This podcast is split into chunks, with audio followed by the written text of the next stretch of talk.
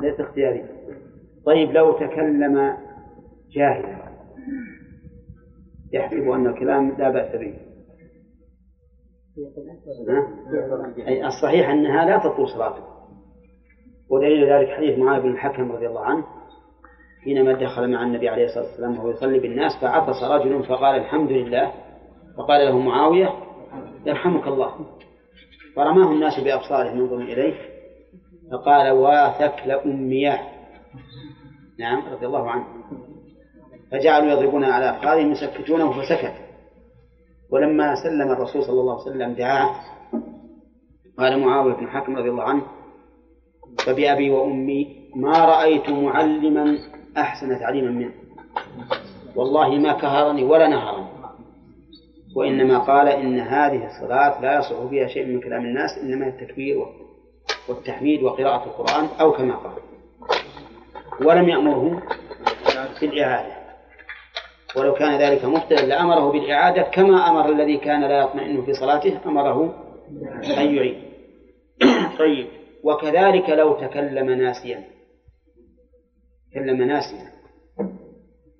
فإنه لا تبطل صلاته. طيب. لو تكلم موسوسا. في بعض الناس موسوس. أتاه الشيطان ووسوس له ومع كثرة الوسوسة بدأ يتكلم. ما تقولون؟ مغلوب على أمره. يعني بعض الناس والعياذ بالله يعني يخلي الشيطان ينطق وهو ما أراد لا سيما فيما يتعلق في مسألة الطلاق. دائما يجي ناس يستفتون يقول إنه طلق زوجته غصبا عليه. ما أراد لكن أجرى الشيطان على لسان هذا الكلام. فالمهم أن الكلام لا يبطل الصلاة إلا إذا كان من عالم ذاكر غير مغلوب عليه. فأما إذا كان عن جاهل عن جهل أو نسيان أو غلبة فإنه لا يخطئ لأن هناك قاعدة عند أهل العلم يقولون إن فعل المحظور مع العذر لا أثر له ولا يترتب عليه شيء. كل المحظورات كل المحظورات مع العذر لا يترتب عليها شيء. وهذه قاعدة تنفعك هنا وفي غيره. حتى محظورة الإحرام حتى الجماع. لو جامع الإنسان قبل التحلل الأول ناسيا أو جاهلا نعم فإن حجه صحيح وليس عليه شيء.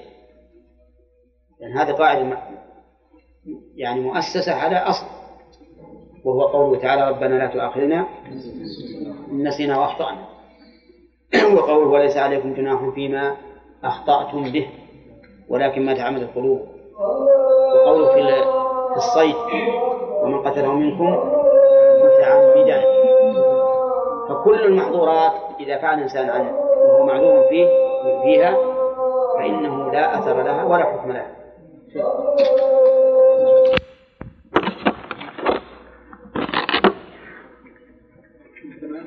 القنوت طيب باقي الآية الثانية ما كمل ها؟ نعم ومن فوائد الآية الثانية ها؟ ها؟ ما ما إذا كان العناية بالصلاة مذكور قوم الله قانتين يعني ما ما يؤخذ منه؟ وجوب القيام فقط. وجوب القيام وجوب الإخلاص وتحريم الكلام. نعم. هذه ثلاث فوائد القيام على إطلاق يعني. يستثنى من هذا النفل للدلالة عليه لدلالة السنة عليه نعم. هذه في وجوب القيام يجب أن يستثنى من ذلك النافلة صلاة النافلة لدلالة السنة على جوازها من قاعدة يستثنى منها النافلة.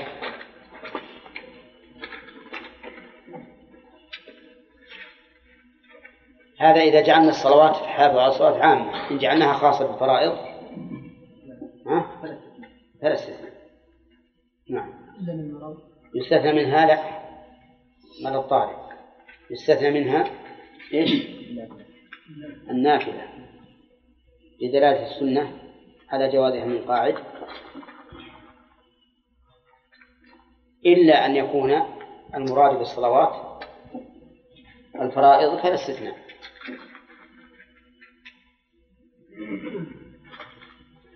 ويؤخذ من آية الكريم من الآية الثانية الكريمة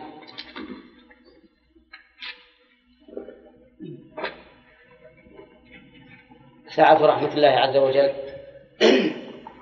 لقوله فإن خفتم فرجال أو ركبان. وأن هذا الدين يسر لأن هذا من التيسير على العباد. ويستفاد منها أيضا جواز الحركة الكثيرة للضرورة. لقوله فرجالا لأن الراجل سوف يتحرك حركة كثيرة بالمشي ويستفاد منه جواز الصلاة على الراحل على الراحلة في حال الخوف. لقوله؟ لقوله أو ركبان. كذا. أما في حال الأمن فلا تجوز الصلاة على الراحلة إلا النافلة. إلا إذا تمكن من الإتيان بالصلاة على وجه التمام فإنه يجوز. ولهذا جوزنا الصلاة في السفينة وفي القطار وما أشبه ذلك لأنه سيأتي به على وجه التمام. أما على الراحلة الأخرى من بعير وسيارة فإنه لا يجوز أن وكذلك الطيارة فإنه لا يجوز أن يصلي على الفريضة لأنه لن يتأتى منه أن يصليها على الكمال. ما يتمكن يأتي منها على التمام إذا تمكنت تقوم وتركع وتسجد فذاك. لكن ما تفعل. أما إذا خفت خروج الوقت تصلي على أي حال يا أخي؟ ما هي واردة.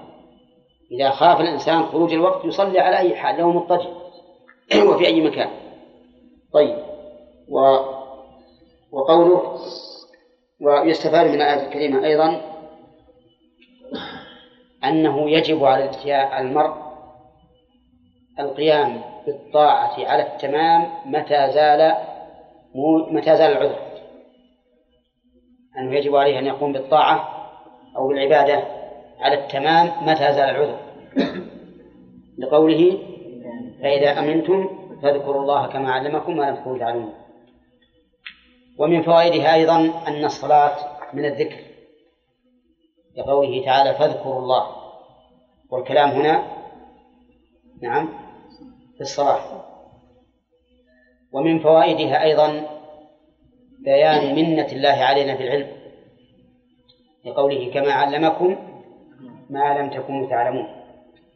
ومن فوائدها أيضا بيان نقص الإنسان. لكون الأصل لكون الأصل فيه الجهل. حيث قال ما لم تكونوا تعلمون. فالأصل في الإنسان الجهل حتى يعلمه يعلمه الله عز وجل. ويستفاد من الآية الكريمة أيضا الرد على على القدرية الذين يقولون إن الإنسان مستقل بعمله وعلمه. وقوله كما علمكم والرد على الجبرية أيضا لتوجيه الأوامر إلى الإنسان. كقول حافظوا وفاذكروا الله وما أشبهه. لأننا لو قلنا بأن العبد مجبور صار توجيه الخطاب إليه من تكليف ما لا يطاق ولا يمكن تطبيقه. وهل يستفاد منها وجوب صلاة الجماعة؟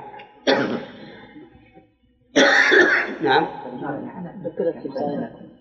لا. إن قلنا يستفاد وجوب الجماعة وأن الخطاب هذا موجه للجميع صار معناه أن الخائف الواحد لا يصلي راجلا ولا راكبا. ولكن هذه كسائر الخطابات توجه للعموم وإن كانت تتناول الفرق. ثم قال تعالى مبتدأ درس الليل هذا. نعم. السؤال على الاستقبال قبل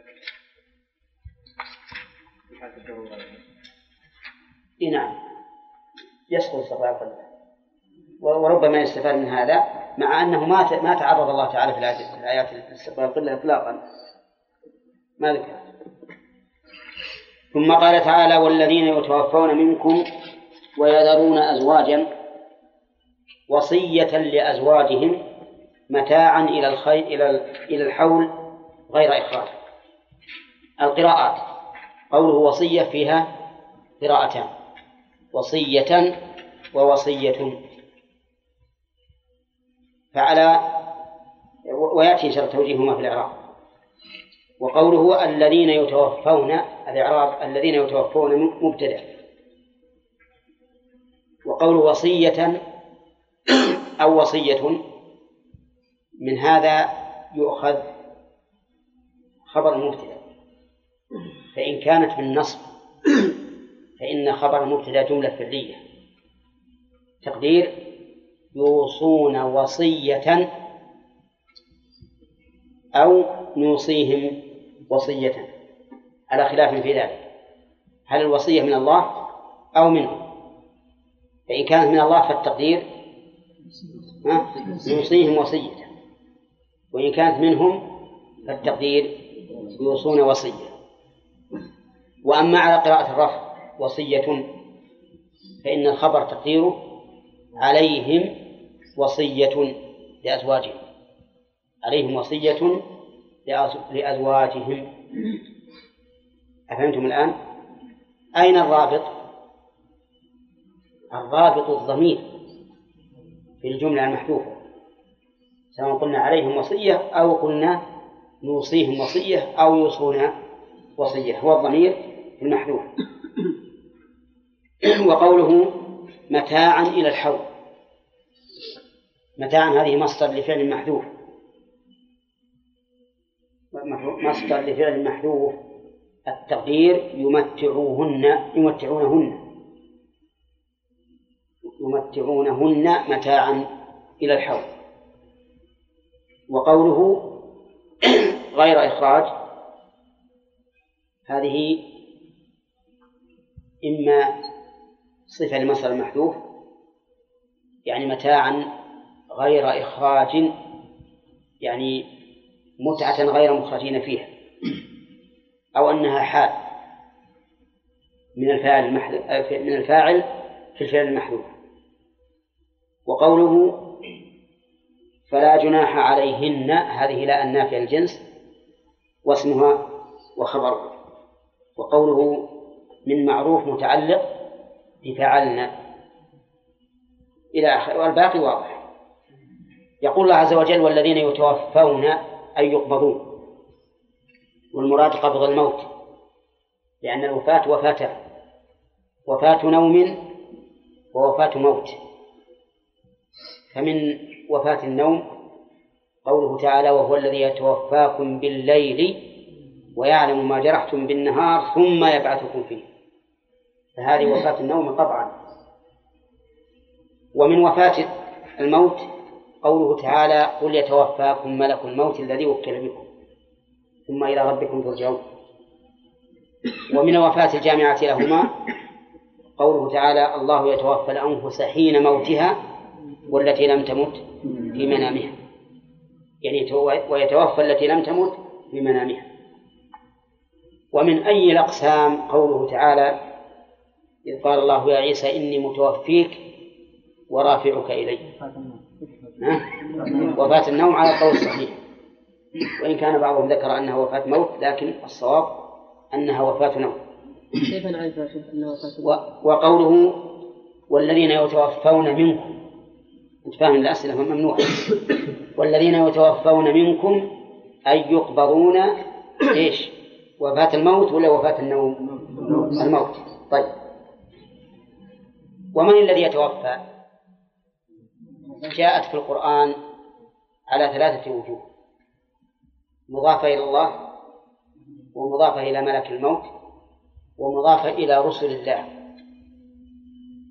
فمن ورودها مضافة إلى الله. عبد الله سليم. قوله تعالى هو الذي يتوفاكم بالليل أي وفاة النوم. الله يتوفى الأنفس حين موتها الله يتوفى الأنفس حين موتها. طيب ومن ورودها مضافة إلى ملك الموت. نعم قل يتوفاكم ملك الموت الذي نعم. ومن ومن ورودها مضافة إلى الرسل الملائكة جاء أحدكم الموت؟ نعم. توفته رسلنا وهم لا يفرطون فهل في هذا تناقض؟ الجواب لا. لأنه لا تناقض في كلام الله وكلام رسوله صلى الله صلى الله عليه وسلم. ولكنها تحمل على وجوه. فإضافتها إلى الله لأنها وقعت بأمره فهو الذي يأمر بها سبحانه وتعالى. وإذا كان الأمر يتوقف على أمر إذا كان الشيء يتوقف على أمر آمر فإنه ينسب إليه. ولهذا نقول بنى فلان قصره أي أمر ببنائه. يقال بنى عمرو بن العاص مدينة الفسطاط أي أمر ببنائها. وأما إضافتها إلى ملك الموت فلأنه هو الذي يقبض الروح. وأما إضافتها إلى الملائكة فلأنهم أعوان ملك الموت. فإما أن يكون المراد بالملائكة الذين يعالجون الروح حتى تخرج وتبلغ الحلقوم ثم يقبضها ملك الموت أو أن المراد بهم الملائكة الذين يقبضونها من ملك الموت. لأنها تنزل عند الاحتضار ملائكة إلى الميت ملائكة رحمة وملائكة عذاب. ثم يقبض ملك الموت الروح ويعطي ويعطيها هؤلاء الملائكة الذين نزلوا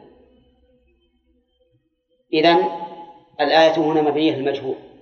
يتوفون فتعم كل هذه الوجوه. وقوله منكم الخطاب لعموم الأمة. وليس خاصا بالصحابة رضي الله عنهم لأن القرآن يا عبد الله نزل للجميع إلى يوم القيامة فالخطاب الموجود فيه عام لكل الأمة. وقوله ويذرون أزواجا معطوف على قوله يتوفون ومعنى يذرون يتركون. وقول أزواجا يعني أزواجا لهم وهو جمع زوج. والزوج للشيء ما كان مزدوجا معه مختلطا معه. وكذلك يقال للشف زوجا لأنه يجعل الواحد اثنين. وقوله وصية لأزواجهم اختلف فيها العلماء. هل المعنى وصية منهم لأزواجهم أو وصية من الله لهم يوصون لأزواجهم. وبينهما فرق. فإذا قلنا وصية لأزواجهم أي أنهم هم يوصون لأزواجهم صار المعنى أنهم أنه يلزمهم أن يوصوا لأزواجهم. إذا قلنا التقدير عليهم وصية. يكون عليهم وصية لأزواجهم. وصية نعم يوصون وصية خبرية جملة خبرية بمعنى الأمر. وإذا قلنا وصية من الله للأزواج فالمعنى أن الله أوصاهم بذلك والله تعالى يوصي كما قال الله تبارك وتعالى في في آيات الفرائض وصية من الله. ها؟ ويوصيكم الله بأولادكم. نعم. وقوله متاعا الحول نعم لأزواجهم الزوجات متاعا إلى الحول يعني أنهم يوصون بأن يمتعون إلى الحول بالنفقة والكسوة. وأما السكنى فأفادها قوله غير إخراج غير إخراج. وقوله غير إخراج من أين؟ الميت قد مات. ولكن غير إخراج من الورثة الذين يرثون المال بعده ومنه البيت الذي تسكنه آه، المرأة زوجة وقوله متاعا إلى الحول أي إلى السنة من من موته إلى أن يأتي عليه الحول. والمراد بالسنة هنا السنة الهلالية لأنها هي المواقيت الشرعية. كما قال الله تعالى يسألونك عن الأهلة قل هي مواقيت للناس والحج. فإن خرجنا يعني أنتم لا تخرجوهن لكن هل يلزمهن البقاء في هذا؟ نعم. لا. ولهذا قال فإن خرجنا فلا جناح عليهن. فيما فعلن في أنفسهن معروف. فلا جناح عليكم فيما فعلن في أنفسهن من معروف. إن خرجنا قبل الحول فلا إثم عليكم لأن الخيار لهن ولكن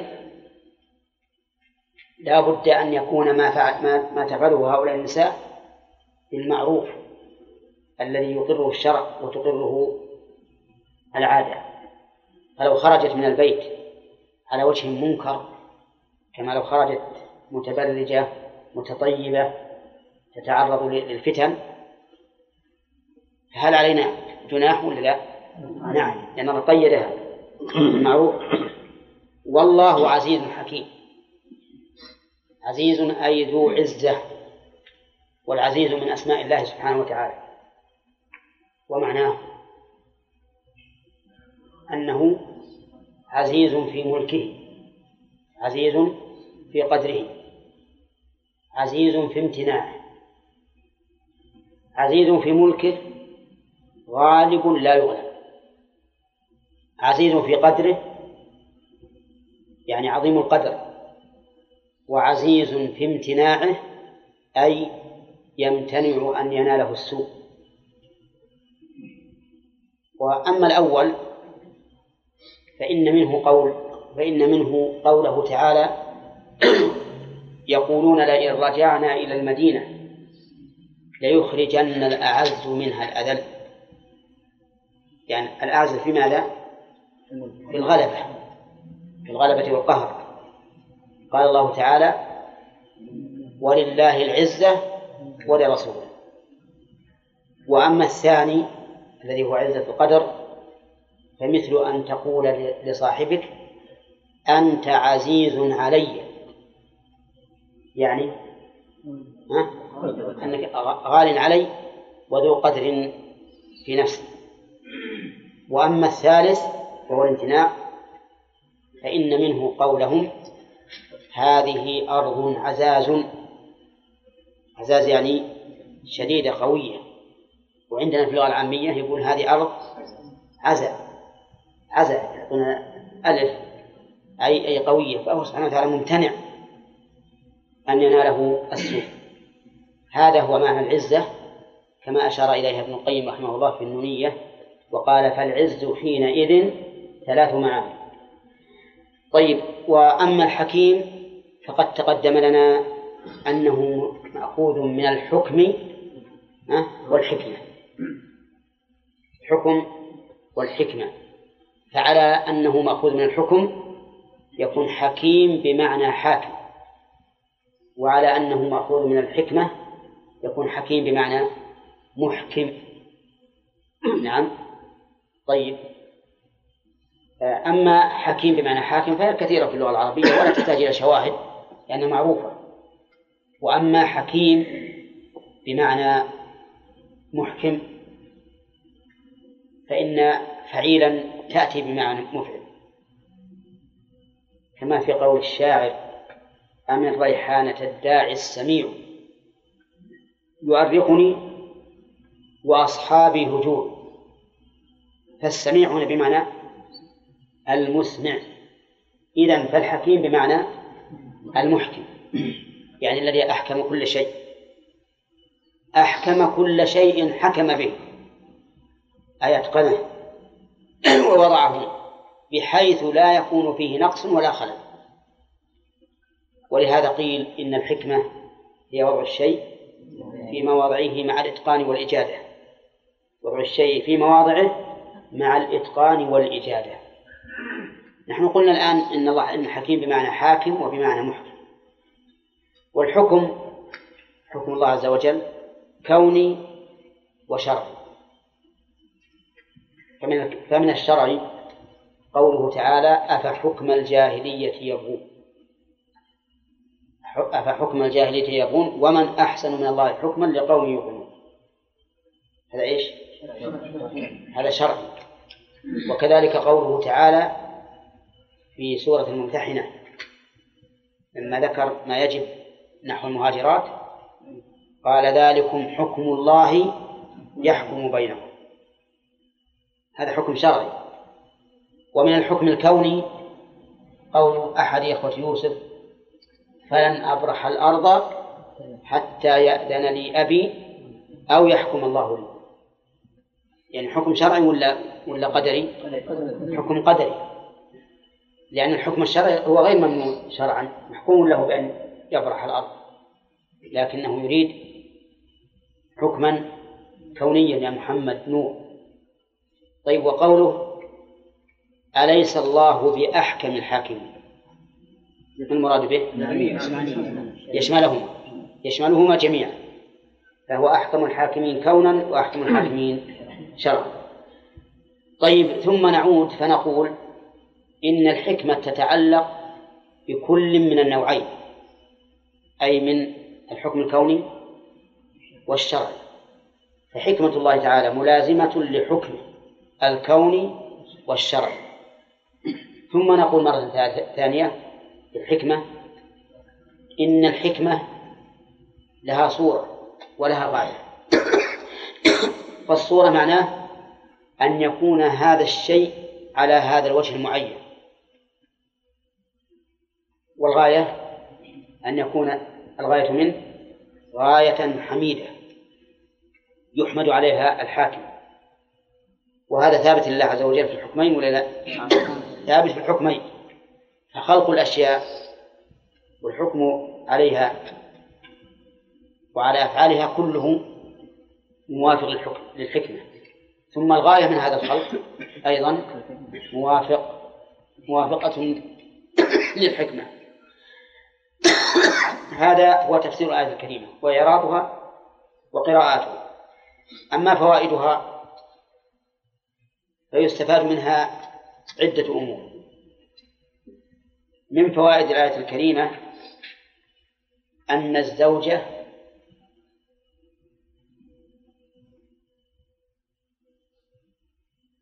تبقى زوجيتها حتى بعد الموت. انتبه. نعم. من أين تؤخذ؟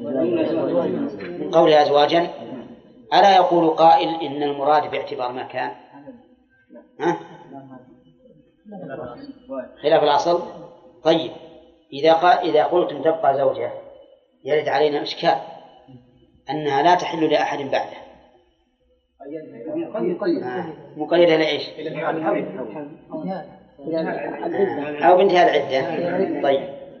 ويدل لذلك أن المرأة إذا مات زوجها جاز أن تغسله ولو كانت أحكام الزوجية يعني منقطعة ما جاز لها أن أن تغسل زوجها.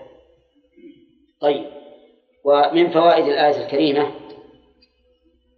أن أن الزوج يوصي بوصية من الله لزوجته بعد موته أن تبقى في بيته سنة كاملة وينفق عليها من تركته نعم. أولى أن الزوج يوصي لزوجه لزوجته بوصية من الله. أنا قلت هكذا عشان تشمل القراءتين. يوصي بوصية من الله. آه، قصدي علشان يشمل المعنيين. يوصي لزوجته بوصية من الله. أن تبقى في بيته لمدة سنة كاملة. نعم. وينفق عليها من إيش؟ من تركته. هذا ما تفيده الآية. فهل هذا الحكم منسوخ؟ لأن لدينا الآن حكمين. الحكم الأول أنها تأخذ شيئا من ماله إلى مدة السنة والحكم الثاني أنها تتربص بمقتضى وصيته لمدة سنة. طوال. اختلف العلماء في هذه الآية. فمنهم من قال إنها منسوخة في الأمرين. ومنهم من قال إنها منسوخة في في في في وصية المال. ومنهم من قال إنها غير منسوخة فيهما. فهذه ثلاثة أقوال منسوخة في الأمرين. غير منسوخة فيهما منسوخة في المال دون غيره. طيب نشوف. الذين قالوا إنها منسوخة فيهما قالوا أما أما البقاء في البيت لمدة سنة فقد نسخ بقوله تعالى فيما سبق. والذين يتوفون منكم ويذرون أزواجا يتربصن بأنفسهن أربعة أشهر وعشرة. فإذا بلغن أجلهن فلا جناح عليكم فيما فعلن في أنفسهن بالمعروف. وهذا مذهب جمهور وهذا قول جمهور المفسرين. وعليه يدل الحديث الذي في البخاري. حين سئل عثمان بن عفان رضي الله عنه لماذا أبقيت هذه الآية وهي منسوخة؟ ولماذا وضعتها بعد الآية الناسخة؟ وكان الأولى أن تكون منسوخة نعم قبل الآية الناسخة لمراعاة الترتيب. فأجاب عثمان رضي الله عنه بأنه لا يغير شيئا كان سبقه من قبل. يعني لأن الترتيب بين الآيات توقيفي ما يمكن غيره. فالآية هذه باقية توفي الرسول عليه الصلاة والسلام وهي تتلى في القرآن وفي مكانه. ولا يمكنه أن يغير. وعلى هذا فتكون هذه الآية ما منسوخة بالآية السابقة بالنسبة لإيش؟ للعدة. وأما بالنسبة للمال فقالوا إنها منسوخة بآيات المواريث. لقوله ولهن الربع ولهن الثمن. وقال النبي عليه الصلاة والسلام إن الله أعطى كل ذي حق حقه فلا وصية لوارث فلا وصية لوارث انتبه. فعلى هذا تكون منسوخة بالنسبة للحكمين جميعا. وقال بعض أهل العلم إنه لا نسخ. إنه لا نسخ. في الموضعين. أما الأول العدة فإن هذه الآية لا تعني العدة. لأن العدة يجب أن تبقى المرأة في بيت زوجها. ولكن الآية هذه تعني أن الإنسان مأمور بأن يوصي لزوجته أن تبقى في بيت لمدة سنة جبرا لخاطرها وحتى لا يجتمع عليها مفارقة الزوج ومفارقة البيت لمدة سنة. نعم. وكانوا في الجاهلية تبقى المرأة بعد الوفاة سنة كاملة ما تتزوج ولا تخرج من بيتها وليست في بيتها أيضا وإنما تكون في حفش صغير كوخ صغير في وسط البيت وتبقى لا لا تتطهر ولا تأخذ فضلاتها فضلاتها ها شعورها وأظافرها وأوساخها ونتن حيضها. كل ذلك يبقى لمدة سنة. وإذا انتهت السنة وخرجت جاءوا لها بشيء من الحيوان. طير عصفور أي شيء من الحيوان. وقالوا تمحشي به تمحشي به. يقول في الحديث فقل ما تمحشت في شيء إلا مات. بشيء إلا مات. وش السبب؟ من رائحة الكريه ثم تخرج وتاخذ بعرة. بعرة. بعرة بعير وتأخذها وترمي بها. ولهذا قال النبي عليه الصلاة والسلام قد كانت إحداكن ترمي بالبعرة على رأس الحوض. إشارة إلى أي شيء؟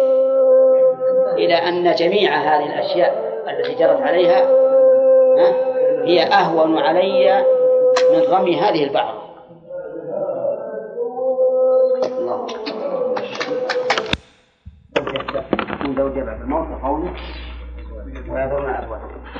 لكن هذه يجب أن نعلق عليها. وهذا وهذا ليس عاما في جميع الأحكام. اكتبوا عليها زيادة. وهذا ليس عاما في جميع الأحكام. الفائدة الأولى. في آخرها بس. وهذا ليس عاما في جميع الأحكام.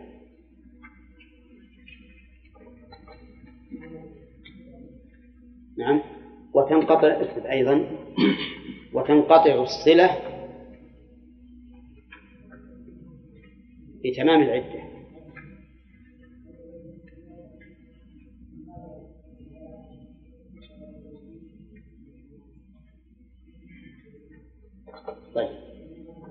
الفائدة الثانية قلتم؟ أن الزوج يوصي يوصي بوصية من الله لزوجته. ها؟ أن الزوج يوصي بوصية من الله لزوجته بعد موته. نعم. أن تبقى في بيته سنة كاملة وينفق عليها من تركته نعم. بعد؟ نعم. و... ونحن قلنا يوصي بوصية من الله. قلت هذا لأجل أن تشمل المعنيين. ثم ذكرنا قلنا هذا ما تفيده الآية. فهل هذا الحكم منسوخ؟ الحكمين. الحكم الأول أنها تأخذ شيئا من ماله لمدة سنة والحكم الثاني أنها تتربص بمقتضى وصيته لمدة سنة. هل هذا الحكم منسوخ في الحكمين؟ في خلاف ما كان يفعله إذا كانت تقل المرأة سنة ثانية ما تكون في ولا تكون في بيتها وإنما في حكم صغير في وسط البلد البلد وقد وسط البيت. طيب.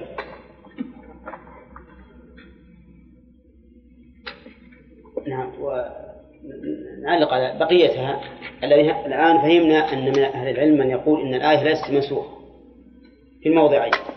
لا بالنسبة للوصية بأن تبقى في البيت ولا بالنسبة لإبقائها مدة الحول أما بالنسبة لإبقائها في البيت فقالوا إن هذا مما جرت العادة التسامح فيه.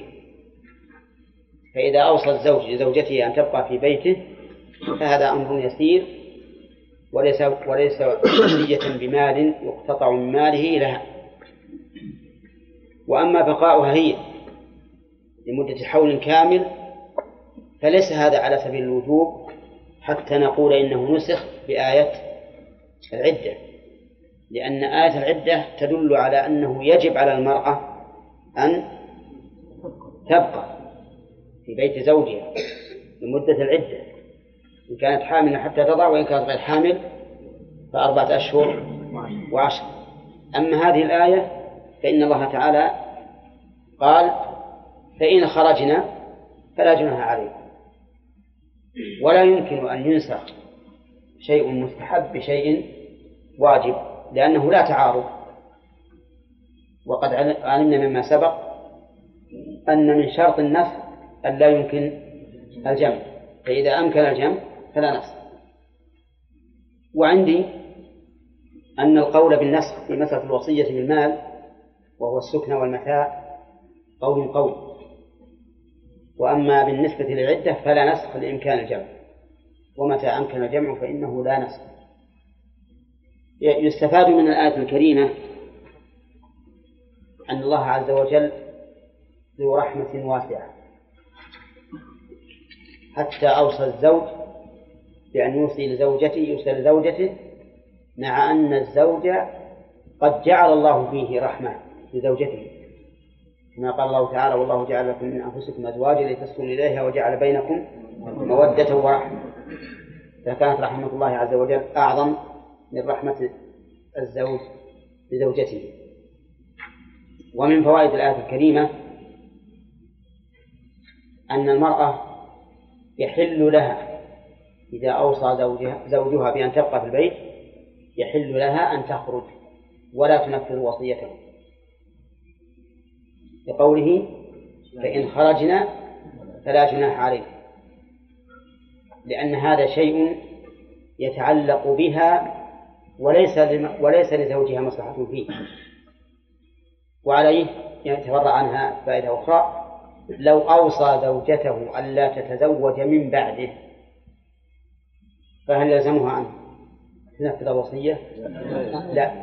لازم لأنه إذا كان لازمها أن تبقى في البيت لمدة الحول فلا أن لازمها أن تبقى غير متزوجة من باب أولى. وهكذا أيضا يؤخذ منه قياسا كل من أوصى شخصا بأمر يتعلق به بنفسه بنفس الموصى له.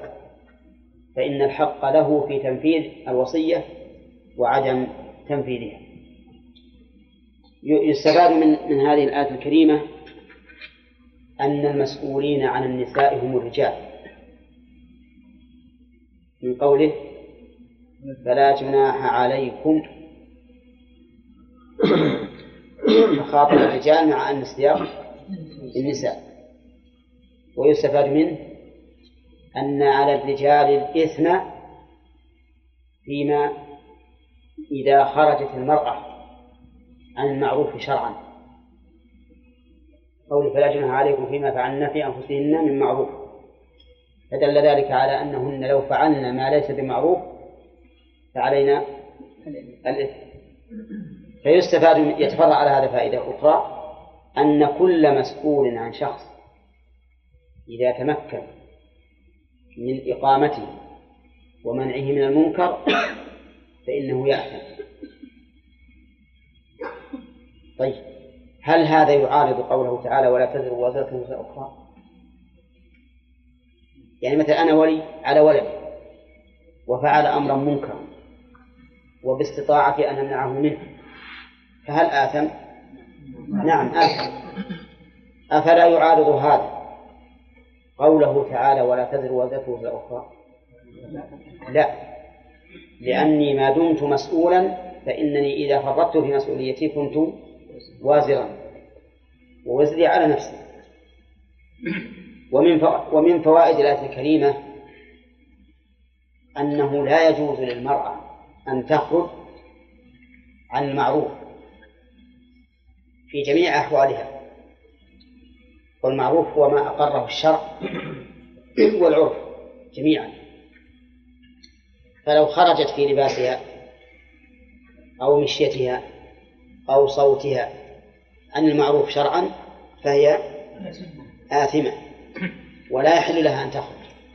وعلينا إذا خرجت أو حاولت الخروج علينا أن نردعها. ومن فوائد الآية الكريمة إثبات اسمين من أسماء الله وهما العزيز والحكيم. وإثبات ما تضمناه من صفات سواء كان ذلك عن طريق اللزوم أو المطابقة أو التضمن. وقد مر علينا قاعدة مهمة في ذلك وهي أن كل اسم من أسماء الله فهو متضمن لصفة ولا عكس.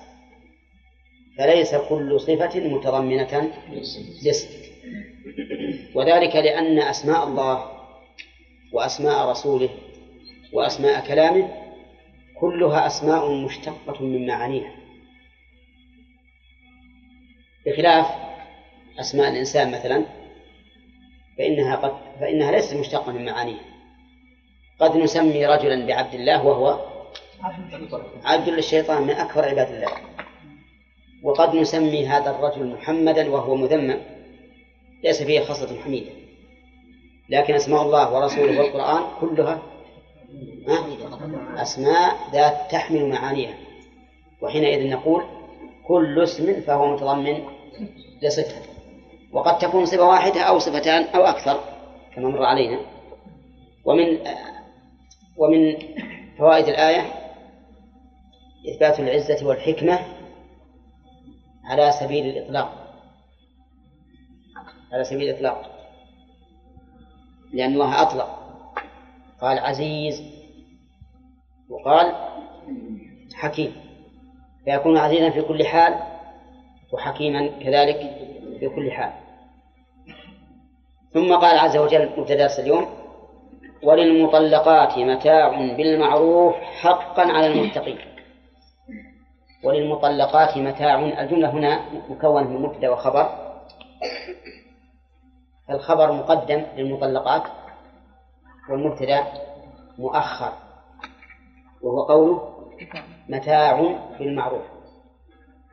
ومن ثم ساغ الابتداء به وهو وهو نكرة لأنه يجوز الابتداء بالنكرة إذا تأخر المبتدأ. وقوله حقا حقا. هذه مصدر. كانت لا تحتاج إلى تقدير. لأن للمطلقات متاع. جملة خبرية تثبت الحق. ولا لا؟ مثل قول مالك كابني أنت حقا صرفا. يعني هذا مصدر مؤكد لمضمون الجملة فلا يحتاج إلى عام. وأيا كان فهي منصوبة على المصدرية. والمتقين يعني ذوي التقوى. والتقوى تقدم لنا مرارا أنها القيام بطاعة الله على علم وبصيرة.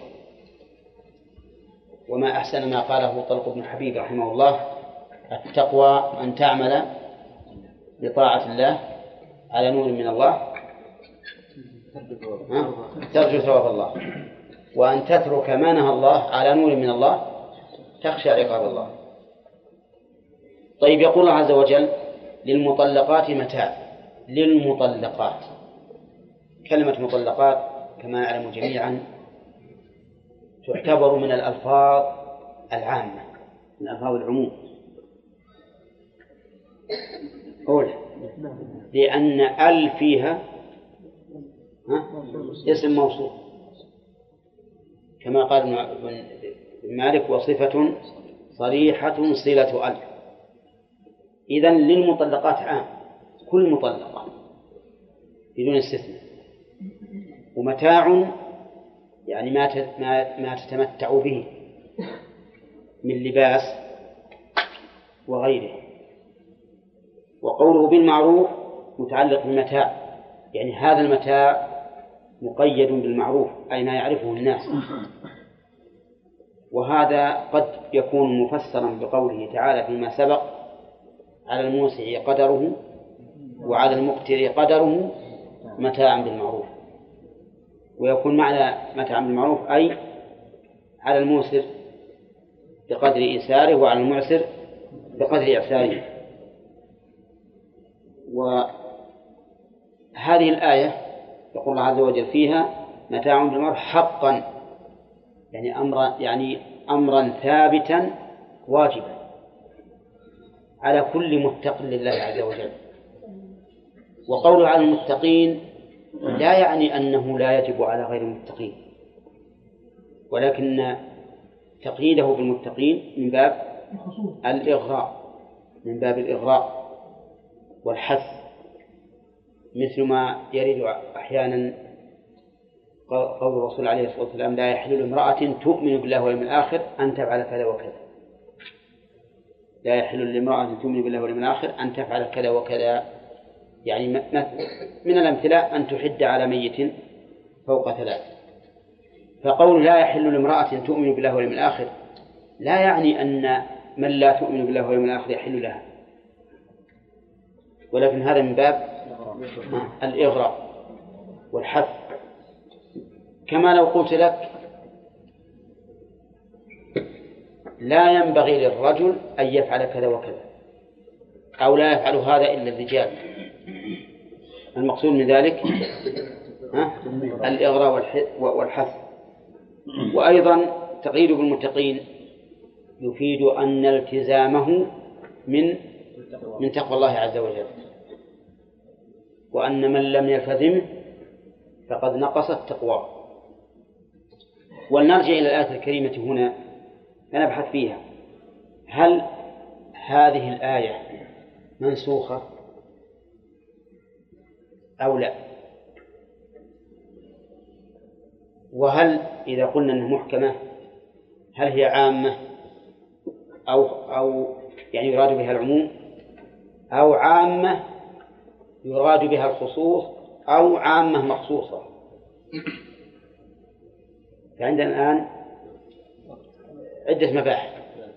المبحث الأول هل الآية منسوخة أو محكمة؟ والمبحث الثاني إذا قلنا بأنها محكمة غير منسوخة فهل هي شاملة لكل مطلقة أو يخص منها بعض المطلقات؟ أو لم يرد بها العموم من الأصل بل هي بل هي عام أريد به الخصوص. لننظر. الآية الكريمة واضحة. أو بعبارة أصح الآية الكريمة العموم فيها ظاهر. من أين يؤخذ؟ من قول المطلقات. فإن الله تعالى لم يستثني شيئا. لم يستثني المطلقة قبل الدخول.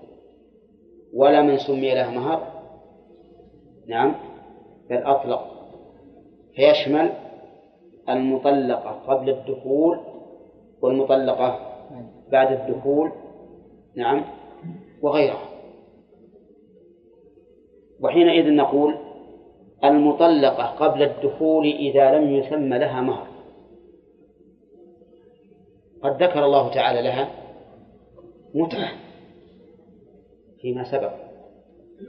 وين المتعة؟ ها؟ وإن طلقتموهن؟ لا جناح عليكم. إن طلقتم النساء ما لم تمسوهن أو تفرضوا لهن فريضة ومتعوهن. على المسع قدره وعلى المقتل قدره وحينئذ لا يكون في الآية هذه نص لأن المطلقة التي لم يسمى لها مهر المطلقة قبل الدخول التي لم يسمى لها مهر حكمها مطابق لهذه الآية ولا غير مطابق؟ ها؟ مطابق كلتا الآيتين تدل على وجوب المتعة كذا ولا لا؟ وإذا كانت الآية العامة تدل على وجوب المتعة التي معنا وتلك الخاصة تدل على وجوب المتعة فإن القاعدة عند المحققين من أهل العلم أن ذكر بعض أفراد العام بحكم يوافق العام؟ ها؟ لا يقتضي التخصيص. وقد مرت علينا هذه القاعدة. وعليه فتكون الآية السابقة ومتعوهن على المسيء قدره تكون فردا من أفراد ها؟ هذه الآية. وحينئذ لا إشكال فيه طيب. المطلقة قبل الدخول التي فرض لها. التي فرض لها وش الواجب لها؟ ها؟ نصف ما فرضتم وإن طلقتموهن من قبل أن تمسوهن وقد فرضتم لهن فريضة فنصف ما فرضتم إلا أن يعفو طيب هل يجب عليها يجب على زوجها أن يمتعها مع تنصيف المهر أو يقال إنه لما سمي المهر صارت المتعة هنا نصف المهر ما تقولون ها؟ لأن نصف المهر متعة لا شك. لا سيما في وقتنا هذا إذا صار المهر أربعين ألف مثلا كم يكون نصفه؟ عشرين متعة ما شاء الله. حصل ثياب وطعام وكل شيء. نعم. نعم ربما نقول هكذا. ونقول إن من طلقت قبل الدخول وقد سمي لها مهر فإنه يكتفى بنصف المهر عن المتعة. طيب إذا قلنا بذلك فهل تكون مخالفة لهذه الآية أو موافقة؟ لكن لما كان المهر فيها مقدرا اكتفي بالتقدير وهو نصف. نعم. نعم. إن قلت أنها موافقة فلا إشكال. وإن قلت إنها مخالفة فحينئذ تكون هذه الآية عامة لكن خصصت بماذا؟ بمن طلقت قبل الدخول وقد سمي لها مهر الرابعة طلقت بعد الدخول. الثالثة طلقت بعد الدخول وقد سمي لها المهر سمي لها المهر نعم. تدخل في هذا. تدخل في الآية؟ نعم. طيب. إذا قلنا تدخل في الآية معناه أنه يجب عليه مهرها وتمتيعها. فإن كانت قد قبضت المهر فوجوب التمتيع ظاهر. وإن كانت لم تقبض صار معناه يلزم بما سماه وش بعد وبالمتعة. فيلزم بأمرين ولكن هذا مشكل. لأننا نقول إذا كنتم تقولون إن المطلقة قبل الدخول المفروض لها لا يلزمها إلا ما قدر الله لها وهو النصف فإن المطلقة بعد الدخول لازمه لازم زوج لها إلا ما سمى لها. وهو قياس واضح في نعم وهو قياس واضح لأنه لا فرق بين ما قبل الدخول وما بعده. أما إذا كان قد سلمها المهر وأنفقت فهذه قد نقول بوجوب المتعة بوجوب المتعة ولكن الجمهور على أنه ليس بواجب التمتيع في هذه الحالة ويحملون الآية على الاستحباب. وحمل الآية على الاستحباب لا شك أنه بعيد من الصواب. لأن هذه الآية كما تشاهدون فيها تؤكد وجوب المتعة من ثلاثة أوجه.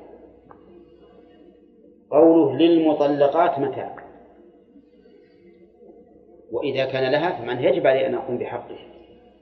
والثاني قال حقا والثالث على المتقين. كيف نقول هذا مستحب؟ ولهذا ذهب شيخ الإسلام ابن تيمية رحمه الله إلى أن المتعة واجبة حتى في هذه الصورة. حتى في من طلقت بعد الدخول وسمي لها مهر وقال أن الآية هذه صريحة ولا فيها نسخ. طيب الرابعة من طلقت بعد الدخول ولم يسمى لها مهر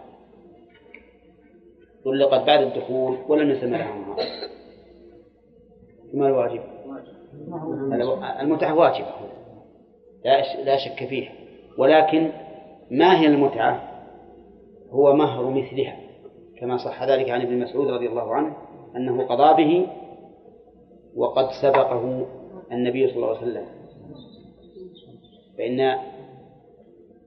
ابن مسعود رضي الله عنه سئل عن امرأة عقد عليها زوجها ثم توفي ولم يسمى لها مهر. فقال لها مهر نسائها؟ ولها الميراث وعليها العدة.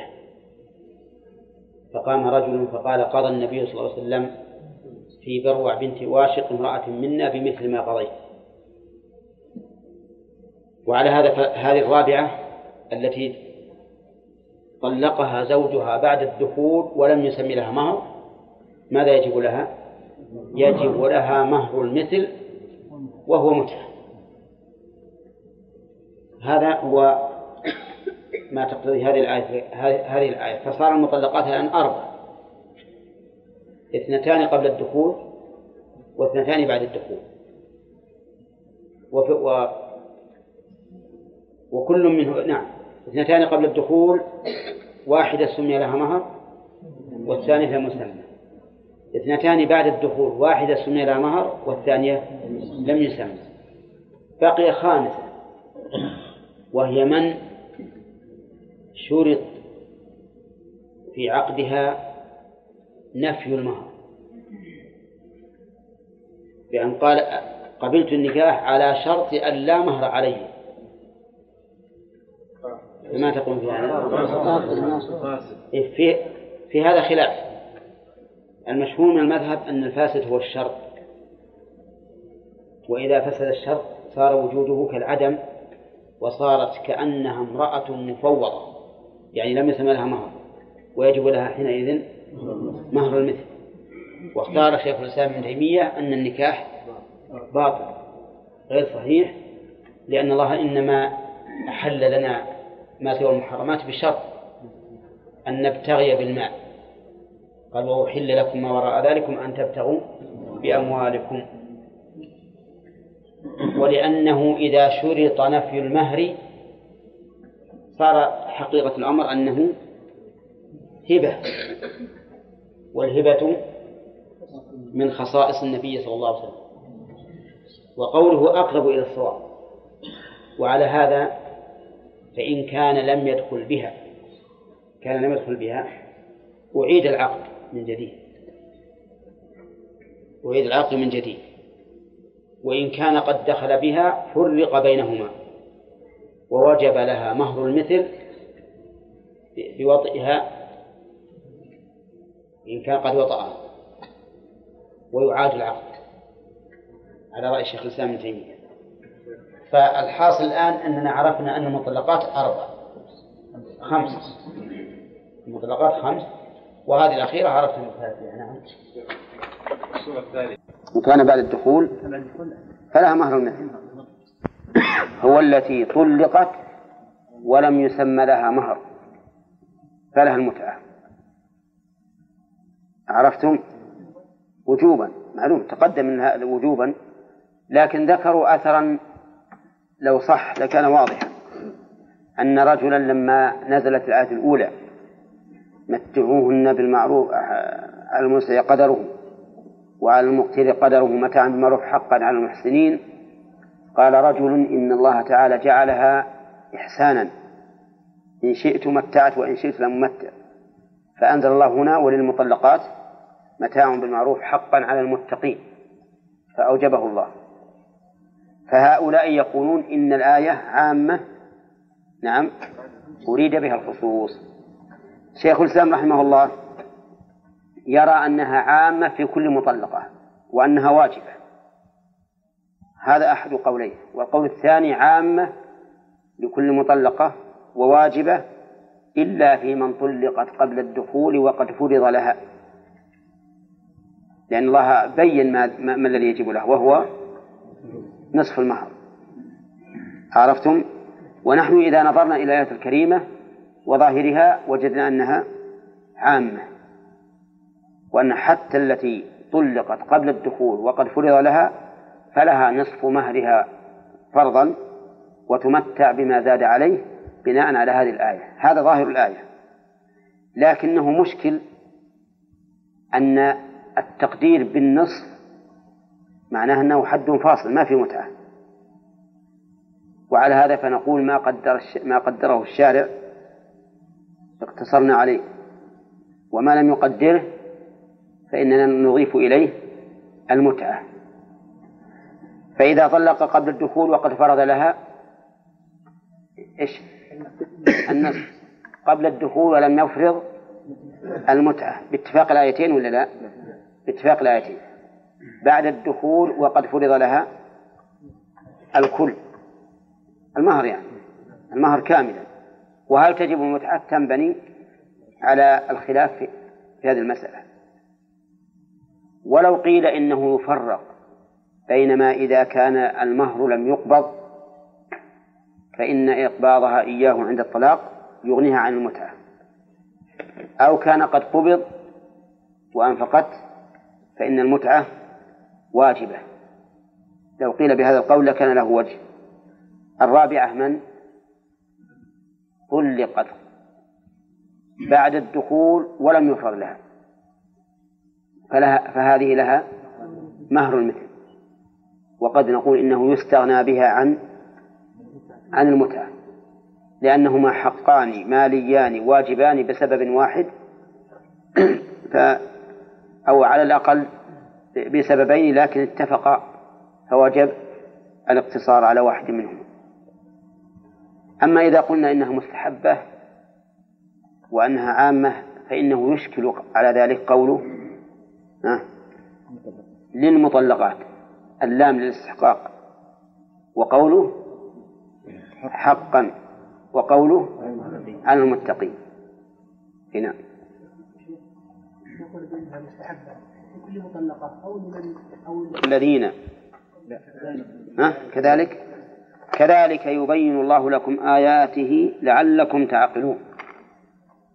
كذلك أي مثل ذلك البيان. فالكاف إذن في محل المفعول المطلق. في محل المفعول المطلق. وعامله قوله يبين أي مثل ذلك السابق مثل ذلك البيان السابق يبين الله لكم آياته. ومعنى البيان التوضيح.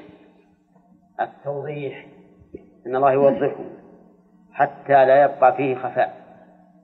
وقوله لكم يحتمل أن اللام للتعدية تعدية الفعل يبين ويحتمل أن تكون اللام للتعليم أي يبين الآيات لأجلكم حتى تتبين لكم وتتضح. وقوله آياته يشمل الآيات الكونية والشرعية. فإن الله سبحانه وتعالى بين لنا من آياته الكونية والشرعية ما لا يبقى معه أدنى شبهة في أن هذه الآيات علامات علامات واضحة على وجود الله عز وجل وعلى ما له من حكمة ورحمة وقدرة.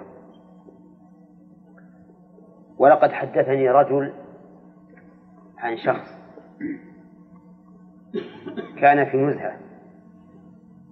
مع أصحاب له. وكانوا والعياذ بالله قد اعتادوا أن يشربوا المسكر فدخل إلى البلد ذات ليلة وخرج إليهم بقوارير من المسكر فلما خرج من البلد وجد الأرض ممطرة فمشى غير بعيد فإذا الأرض يابسة ما فيها مطر. فمشى غير بعيد فإذا هي ممطرة. فمشى غير بعيد فإذا هي يابسة. خمس محلات. ما بين يابس وممطر. ثم أوقف السيارة ووضع يديه على رأسه وجعل يفكر كيف هذا؟ وين الذي صنع هذا؟ فألقى الله الإيمان في قلبه. سبحان الله العظيم. فأخذ القوارير فكسرها. ثم ذهب إلى صحبه لما وصل إليهم وإذا هم ينتظرونه بفارغ الصبر. ويقول الله يعافيك يا ابو فلان يا ابو فلان صيحت علينا أبطيت علينا وما أشبه ذلك. فقال لهم نعم ابطيت عليكم وأنا رأيت كذا وكذا وهداني الله عز وجل وهذه قواريركم مكسرة.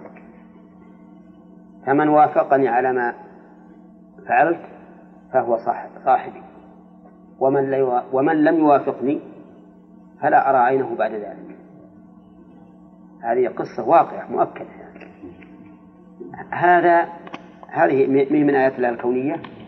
وشوف كيف ابتلى الرجل بها. وهكذا بقية الآيات الكونية يبينها الله عز وجل ويوضحها لنا حتى نتبين بها الحق. الآيات الشرعية مبينة أيضا؟ نعم مبينة موضحة لا لا اشتباه فيها ولا خفاء كلها بائنة واضحة. وقول لعلكم تشكرون لعل هنا للتعليل تعقلون. لعلكم تعقلون. لعل هنا للتعليل أي لأجل أن تعقلوا فهي كقوله تعالى إنا جعلناه قرآنا عربيا لعلكم تعقلون. فكذلك يبين الله الآيات لأجل أن نعقل هذه الآيات. عقل فهم وإدراك. أي كلا العقلين. فيستفاد من هذه الآية الكريمة. يستفاد منها ما أخذنا الفوائد الأول. إيش؟ ما أخذنا الفوائد حق الآيات إي طيب. كل الآيات السابقة. من والذين يتوفون منكم والمطلقات بس الوجه الثاني اللي قبله إيه. طيب. يستفاد من الآية الكريمة. وللمطلقات متاع بالمعروف. وجوب المتعة. لكل مطلقة. ووجه ذلك إيش؟ العموم في قوله وللمطلقات. إلا أن بعض أهل العلم قال إن هذا عام أريد به الخاص. عام أريد به الخاص. ف... وما ما هو الخاص الذي أريد به؟ قال الخاص الذي أريد به هي من طلقت قبل الدخول ولم يسمى لها مهر. وعلى رأيه تكون هذه الآية توكيدا للآية السابقة. تكون توكيدا للآية السابقة فقط. ولم تأتي بزيادة معنى. أما على ظاهرها فقد أخذ بها شيخ الإسلام رحمه الله في موضع من كلامه. وفي موضع آخر قال إنها تجب المتعة لكل مطلقة إلا من طلقت قبل الدخول ولم وقد فرض لها فإن لها نصف المهر. نعم. ويستفاد من الآية من الآية الكريمة أنه ينبغي تأكيد الحقوق التي قد تتهاون النفوس بها. من أين تؤخذ؟ من قول حقا على المتقين.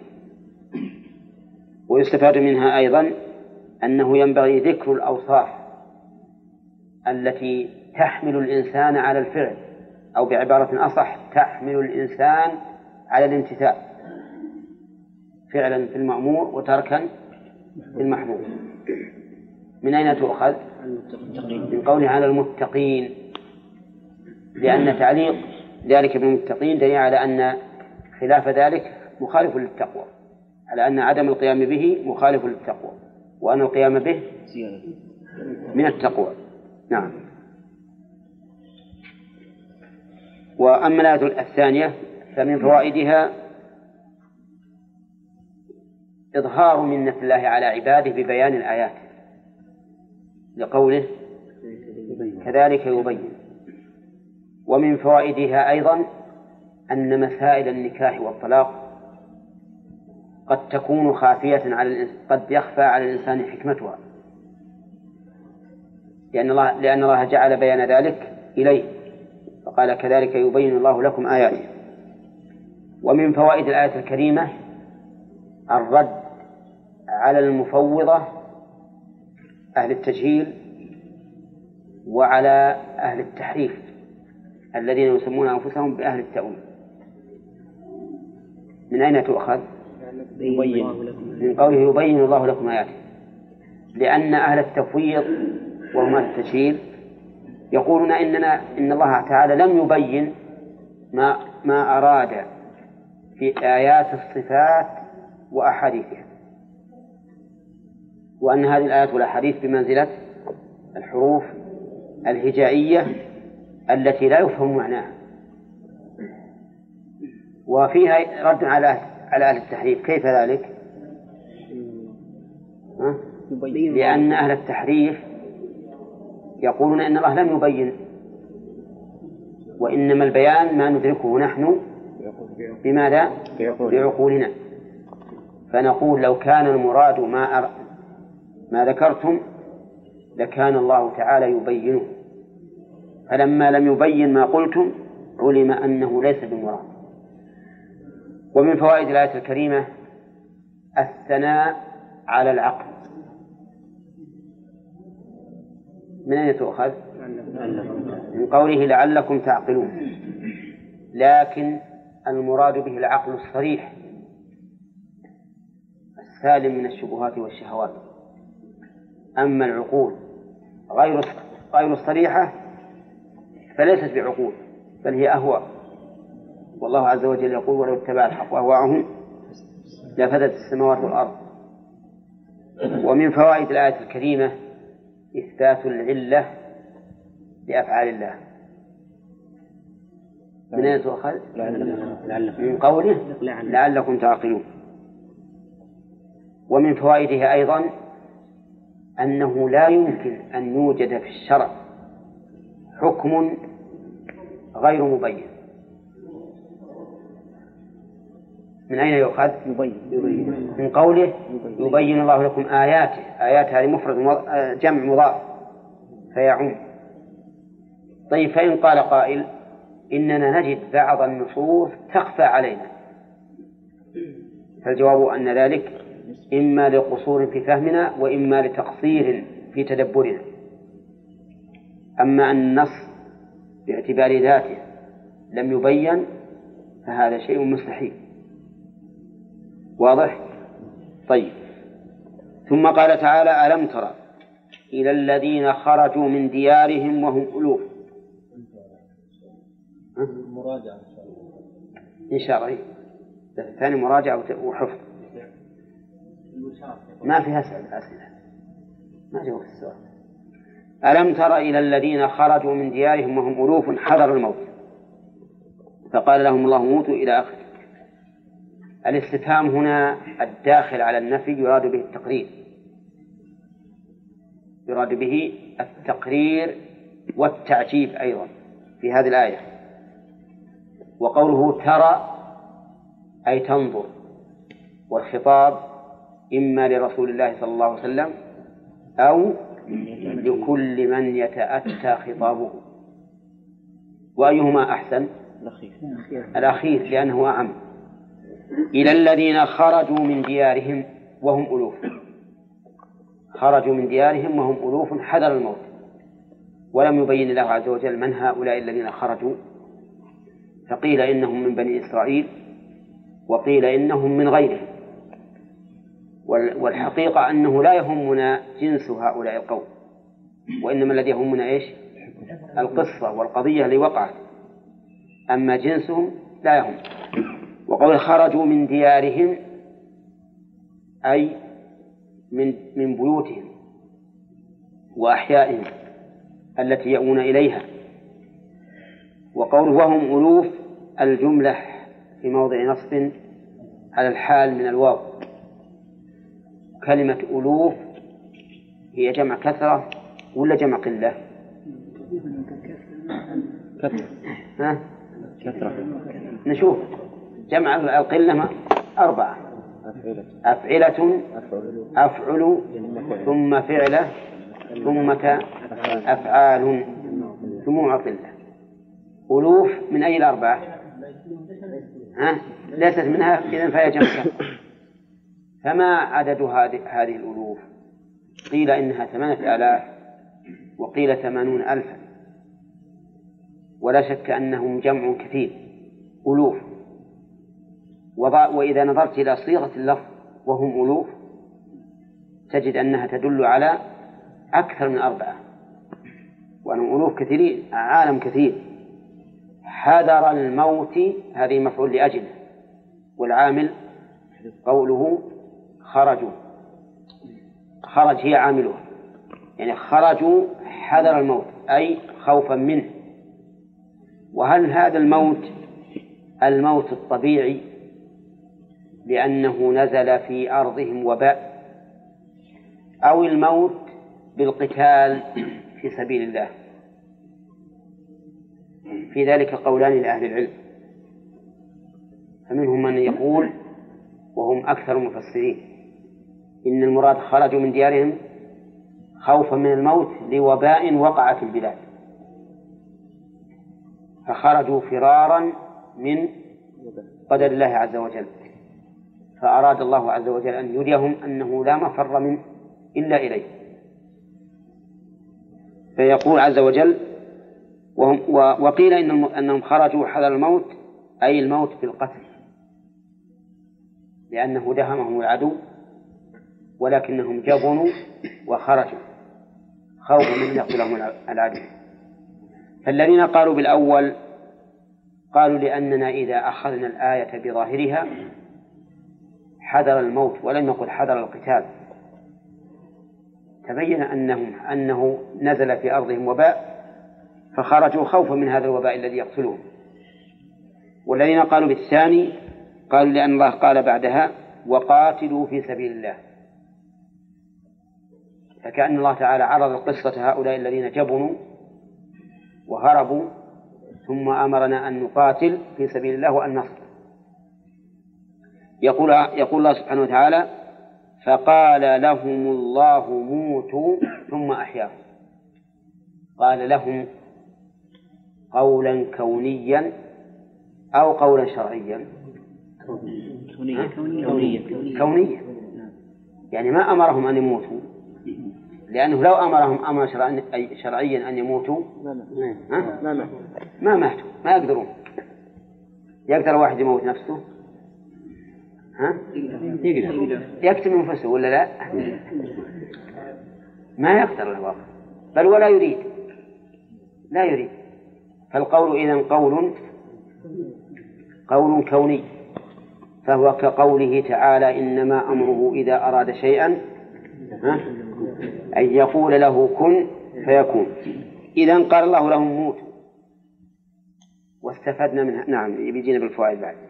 موتوا ثم أحياهم ثم أحياهم بعد موته. وكلمة ثم تدل على التراخي. وأنه أحياهم بعد مدة. وهل أحياهم بسبب أو بغير سبب؟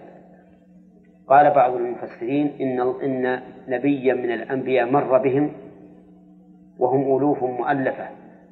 جثث هامدة. فدعا الله سبحانه وتعالى أن يحييهم فأحياهم. وقال بعض المفسرين إن الله أحياهم بدون دعوة نبي. وأي قولين ظاهر اللفظ. الثاني. يعني الأول لا دليل عليه في السياق. وعلى هذا فنقول إن الله أحياهم ليري العباد. آياته. ثم أحياهم إن الله لذو فضل على الناس ولكن أكثرهم لا يشكرون. إن الله لذو اللام هنا للتوكيد وذو بمعنى صاحب. فضل على الناس والفضل بمعنى العطاء والتفضل ولكن أكثر الناس لا يشكرون. ولا كل الناس؟ ولا القليل منهم؟ الأكثر. فعندنا قليل وعندنا كل وعندنا أكثر وعندنا مساوي. هو لا ها؟ كذا فهد؟ وش قلنا؟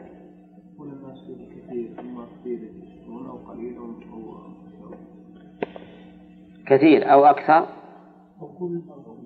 أو كل أو القليل. طيب أكثر الناس لا يشكرون. إذا في الناس من يشكر؟ نعم. ويدل على ذلك قوله تعالى وقليل من عبادي الشكور. فإذا الأكثر يقابله القليل قليل من عبادي الشكور. هذه الآية الكريمة إذا قال قائل ما وجه الفضل فيها؟ نقول وجه الفضل أن الله تعالى أراد أرى عباده كمال سلطانه وأنه لا مفر منه. ولا شك أن هذا من فضل الله أن يدرك الله تعالى آياته وسلطانه وقدرته وحكمته ونقول أيضا فيها فضل آخر أن الله تعالى أنجاهم أنجاهم بعد أن أراهم تمام قدرته وسلطانه أنجاهم بماذا؟ بالإحياء فنجوا إما من الوباء على قول وإما من العدو على قول آخر وهذا فضل ولا لا؟ وهذا فضل. يستفاد من هذه الآية الكريمة عدة أمور. أولا أن قصة هؤلاء القوم كانت مشهورة. لأن قوله ألم ترى يدل على إيش؟ التقرير والتعجيل. وأن هذا أمر واقع. وانظر إلى أمثلتها في القرآن تجدها هكذا. ألم نشرح لك صدرك؟ معلوم ولا غير معلوم؟ معلوم. ألم نجعل له عينين؟ معلوم ولا غير معلوم؟ ألم ترى إلى ربك كيف مد الظل؟ معلوم. ألم ترى إلى ألم ترى إلى رب كيف فعل ربك بأصحاب الفيل؟ معلوم ولا لا؟ كل هذا أمر معلوم. فكأن هؤلاء القوم قصتهم مشهورة. معلومة. ولهذا جاءت بصيغة التقرير. ومن فوائد الآية الكريمة أنه لا يجوز للإنسان أن يفر من قدر الله. من أين يؤخذ؟ من قول الله ثم فقال لهم فقال لهم الله موتوا وقد ثبت في الصحيح أن النبي صلى الله عليه وسلم قال في الطاعون إذا سمعتم به في أرض فلا تقدموا عليه وإن وقع وأنتم فيها فلا تخرجوا منها فرارا منه فرارا منه. أما تخرج لسبب آخر فلا بأس. ومن فوائد الآية من فوائد الآية الكريمة تمام قدرة الله عز وجل. لقوله موتوا وماتوا ولا لا؟ ماتوا. إذا قوله ثم أحياهم. فيستفاد منها تمام قدرته بإماتة الحي وإحياء الميت. ومن فوائدها أن فيها دلالة على البعث يا عبد الله. فيها دلالة على البعث. وجهه؟ أن هؤلاء أحياهم بعد أن أماتهم. وقد ورد في هذه السورة بيان قدرة الله على إحياء الموتى في خمسة مواضع أظنها سبقت. الموضع الأول في قوم موسى.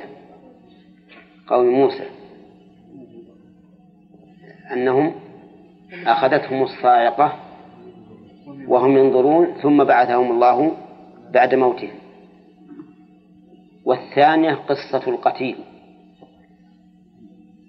الذي أمر الله تعالى أن تذبح بقرة ويضرب ببعضها فضربوه ببعضها فأحياه الله. والقصة الثالثة هذه.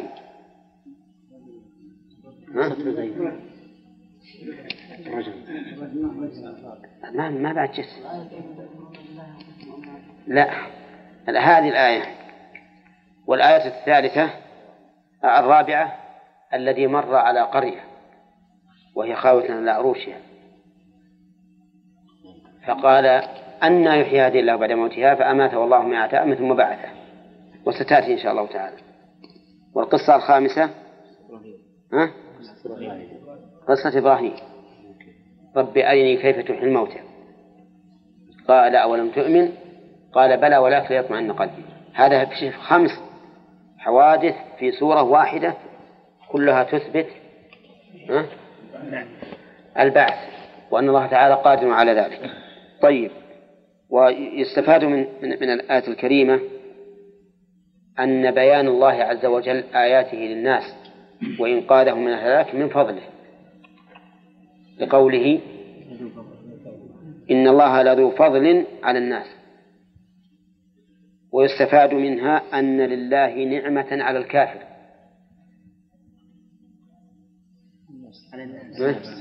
قوله على الناس. عام. ولكن نعمة الله على الكافر ليست كنعمته على المؤمن لأن نعمة الله على المؤمن نعمة متصلة بنعمة الدنيا والآخرة. وعلى الكافر نعمة في الدنيا فقط. ومن فوائد الآية الكريمة أن أن الشاكر من الناس قليل. لقوله ولكن أكثر الناس لا يشكرون. ومن فوائدها أن العقل يدل على وجوب شكر المنعم. لأنه قال إن الله لذو فضل ثم قال أكثر الناس لا يشكرون. وهذا على سبيل الذم ولا على سبيل المدح؟ الذم. فيكون من لا يشكر مذموما عقلا وشرعا. ويستفاد من الآية إثبات القول لله. فقال لهم الله موتوا. ويستفاد منها أيضا أن معنى قوله تعالى إذا أراد شيئا أن يقول له كن معناها أن الله يتكلم بما أراد. ما هو يقول كن فقط بل يتكلم بما أراد. كن كذا نعم لأن الكلام بكلمة كن مجمل ولا مبين؟ مجمل, مجمل. ولما قال الله للقلم اكتب قال ربي ماذا أكتب؟ يصير معنى قوله كن أي الأمر المستفاد من, من هذه الصيغة لكنه يكون أمرا خاصا. فلو كان الله تعالى يريد أن ينزل مطرا لقال إيش؟ نعم. أمطري. أيها السحاب أمطري مثلا. ما يقول كن وبس بل يكون بالصيغة التي أراد الله عز وجل. طيب ومن فوائد الآية الكريمة أيضا جواز حذف ما كان معلوما وأنه لا ينافي البلاغة. وهو ما, وهو ما يسمى عند البلاغيين بإيجاز الحذف. بإيجاز الحذف. من أين يؤخذ؟ لا. خرجوا من لا. فقال لهم الله موتوا ثم أحياهم. لا شك أن في الكلام محذوف. ها؟ التقدير فماتوا. نعم فماتوا ثم أحياهم. وهذا كثير في القرآن.